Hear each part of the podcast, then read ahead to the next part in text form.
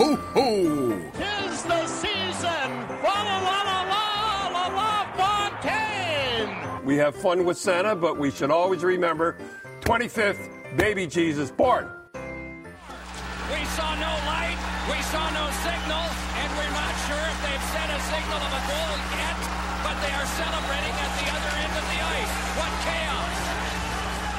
Sånn hørtes det ut da Chicago Blackhawks sikret seg sin første Stanley Cup-seier på 49 år i 2010. Det var kamp seks i finalen mellom Blackhawks og Philadelphia Flyers. Kampen gikk til overtime, og der fikk en av Chicagos største unge stjerner muligheten til å skinne. Patrick Kane avanserte langs vantet på høyresiden og skjøt mot mål. Pucken gikk under keeper Michael Laton og ble borte. Ingen så hvor pucken var. Unntatt Kane, da, som hadde den perfekte vinkelen til å se sitt eget vinnermål.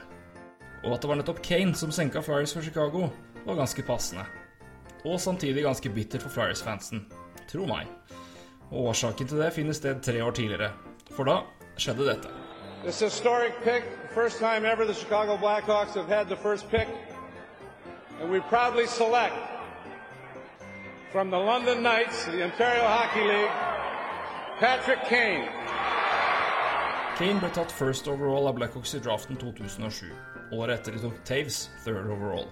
Og det var starten på en ny æra for Chicago. Men den kom etter en god porsjon flaks.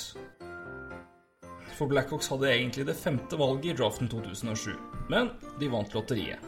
Dermed måtte laget som endte sist, velges som nummer to. Og det laget var Philadelphia Flyers. Flyers valgte i stedet James Van Riemsdyk. JVR gjorde sakene sine bra i Philly, men han ble aldri den stjernen man håpet på.